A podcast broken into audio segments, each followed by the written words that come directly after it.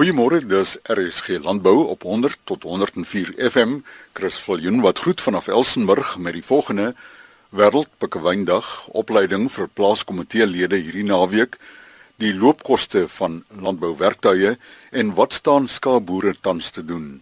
Justin Lawrence, skakelbeampte van Cape Nature, gesels eerstens oor die Afrika pikkewyn. Last week on 25 April, we celebrated World Penguin Day and it's an opportune time for us all to find out a bit more about these flightless birds, especially here in South Africa where we have the African They are endemic to South African and Namibian coast, and they're a species in huge trouble due to the population numbers. The IUCN has in fact listed the species as endangered, which means they are at risk in the wild. In the past, egg collecting and guano removing activities were the major threat to penguin populations, with numbers dropping from around 1.5 million at the turn of the 20th century down to around 26,000 now. But now both these practices have been illegal for a number of years and neither industry exists in this country anymore. But the threat to the African penguin population, it's now different but still linked to human activity with human development taking place along the coastline, the African penguin's habitat, it's shrunk over the years. There's been overfishing along coastal areas, and that also means that penguins' food sources have come under strain. And add to that is the natural phenomena of predation by the kelp gulls and other land-based predators, and you can see then why the African penguin is up against it. But the plight of the African penguin can't just be seen in isolation. They are actually a key indicator of the ocean's health. And the fact that they are in such decline, it's actually a sign that our ocean is suffering. And that's why initiatives such as National Marine Week, which we recognize in October later this year, as well as World Penguin Day. That's why they're so important. It's these type of initiatives which create awareness of the oceans and the coastal environment. They promote sustainable utilization and conservation of the environment, and that's both for the benefit of the present and the future generations there is actually still hope for the oceans and for the African penguins. In our marine protected areas, we see marine environments flourishing along with some penguin colonies across South Africa. The penguin colonies are protected either in national parks or in provincial nature reserves. And one such example is the colony at Stony Point, which is seeing a steady increase in numbers thanks to a team of dedicated, hardworking staff who are doing their best to ensure the resurgence of this special and vital species. Stony Point in Betty's Bay, it's open to the public seven days a week, so people are welcome to visit. For more information, you can visit capenature.co.za or give us a call on 021-483-0190. Die skakelbeampte van Cape Nature, Justin Lawrence, die telefoonnommer 021-483-0190, die web www.capenature.co.za. Die Nasionale Plaaswerkersforum bied hierdie naweek opleiding aan plaaskomiteelede. Woordvoerder Rita Andreas gesels. Die naweek van die 5de en die 6de Mei het ons dan 'n opleiding vir die um, nuwe komiteelede. Ons gaan praat oor die rol van die komitee. Ons gaan bietjie doen arbeidswette en ons gaan ook doen die ESTA en die PAI wette gaan ons hanteer op die naweek kamp. So ek wil vir oggend komitees wat daar buite is wat graag wil deel hê in in hierdie opleiding om ons te kontak en deel te raak want jy weet ek glo dat ingeligte mense neem wyse besluite en ons by die forum glo kom ons doen wat die wet sê ons moet doen en ons bly binne die reëls. So ja, vanoggend is my pleidooi, kom ons uh, konsentreer op opleiding vir ons komiteelede want hulle is die middelmense op die plaas wat moet kyk dat dinge funksioneer en dinge reg loop. Dit is net belangrik om hulle ook te bemagtig met die nodige kennis So dit is wat ek ver oggend net aan die as luisteraars en ons plaaswerkers en produsente wil deurgee. Kontak ons gerus indien jy voel jy wil deel wees van hierdie opleiding. Eintlik wil ons nou die werkerskomitee hê vir hierdie opleiding, maar as baie produsente wat behoeftes het om om mense wat hulle kies te stuur, hulle is meer as welkom om dit ook so te doen. Indien hulle my kontak tref, ek die ander reëlings met die produsente self. En waar geskied dit Rita? Dit is in Gordons Bay um, in 'n plek waar ons ge gewoond uh, uh, uh, kry om om hierdie tipe kampe te doen. So ja, die plek en alles is gereël. Al wat dit hulle moet net kom om te sê wie wil almal saamgaan. Ons gaan 45 persone huisves. Rita Andreas is die woordvoerder van die Nasionale Plaaswerkersforum. Haar telefoonnommer 076 790 1066 076 790 1066 En nou verneem ons van die loopkoste van landbouwerktuie.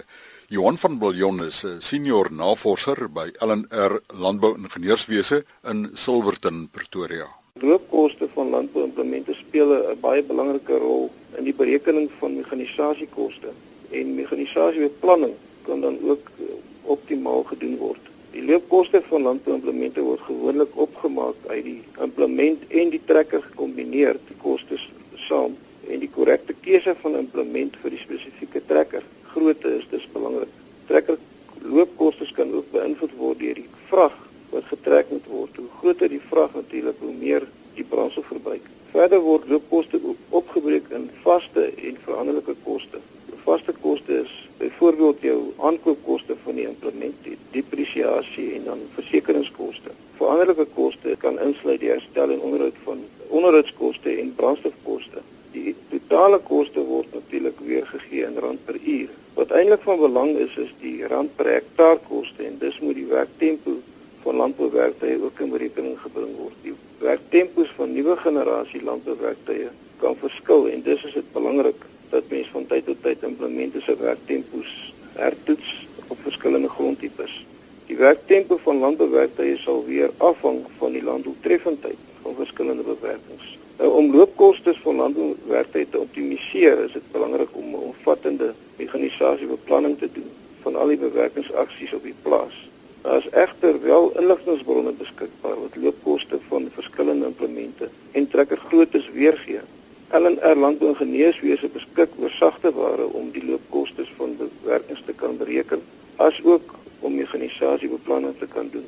Kursusse word aangebied in meganisasiebeplanning en inligting rakende die kursusse of enige ander inligting rakende loopkoste kan gerus geskakel word vir Dr. Ting Minyu of vir myself Johan van Biljon by telefoonnommer 0128424000.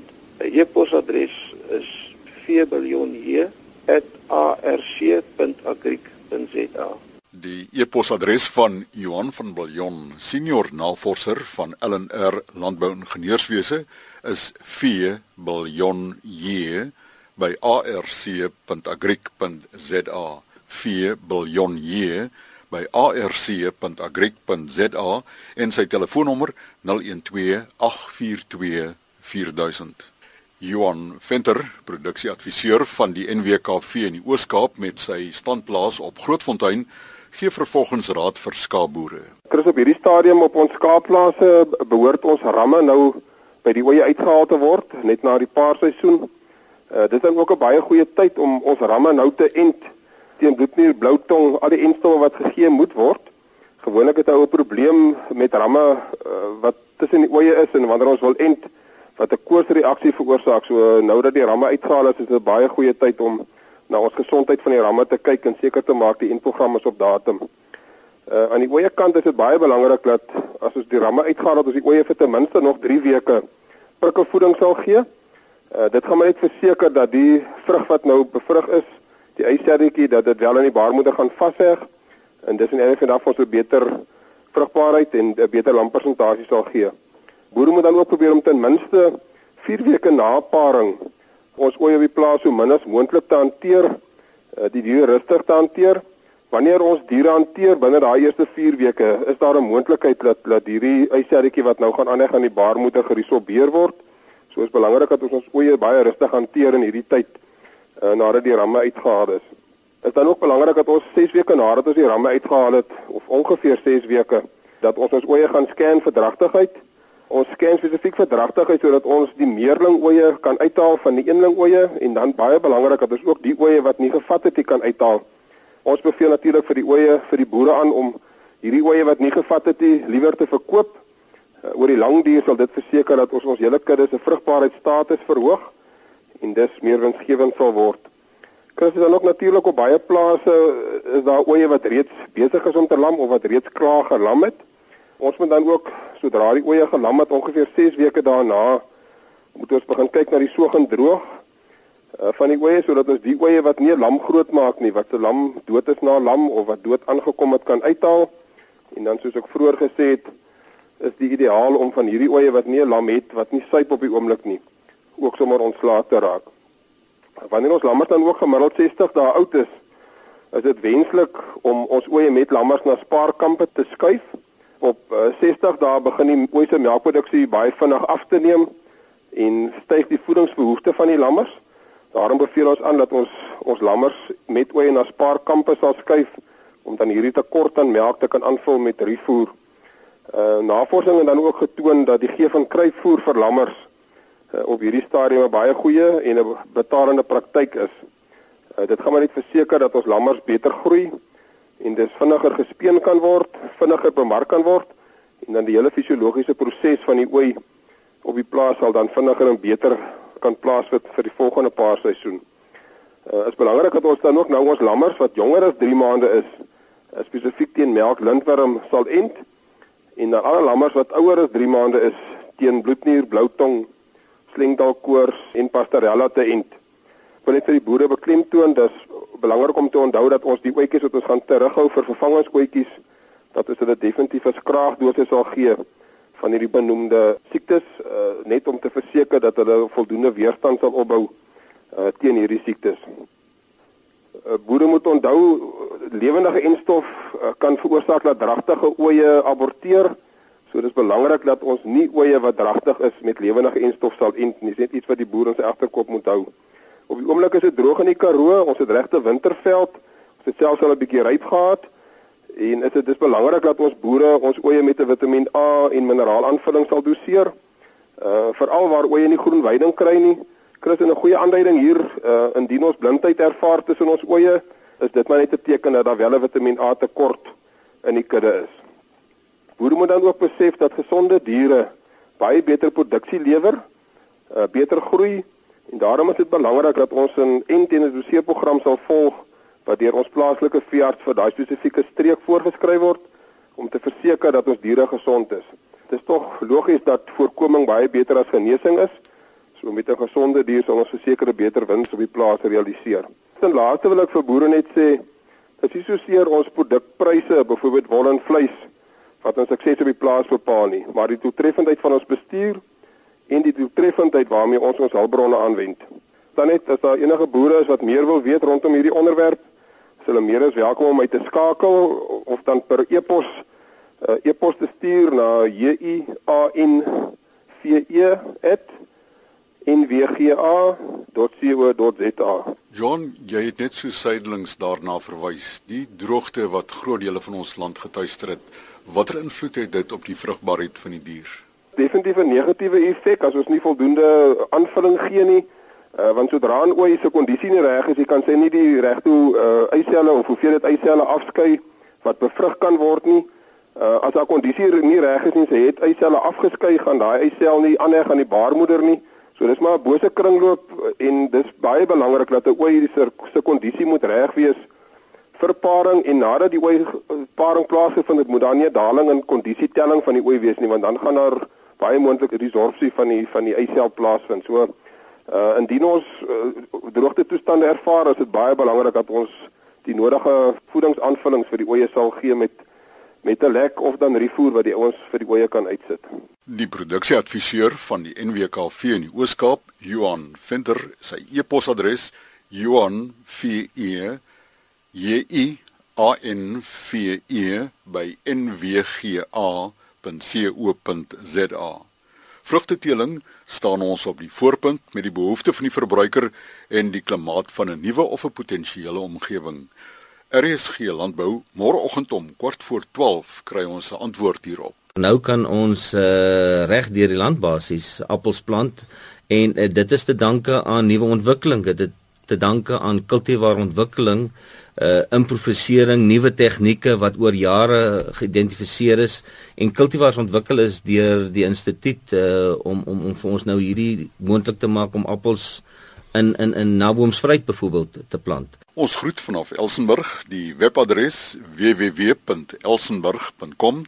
Navraag aan telefoon 072 142 1614. 0721421614. Geniet die dag.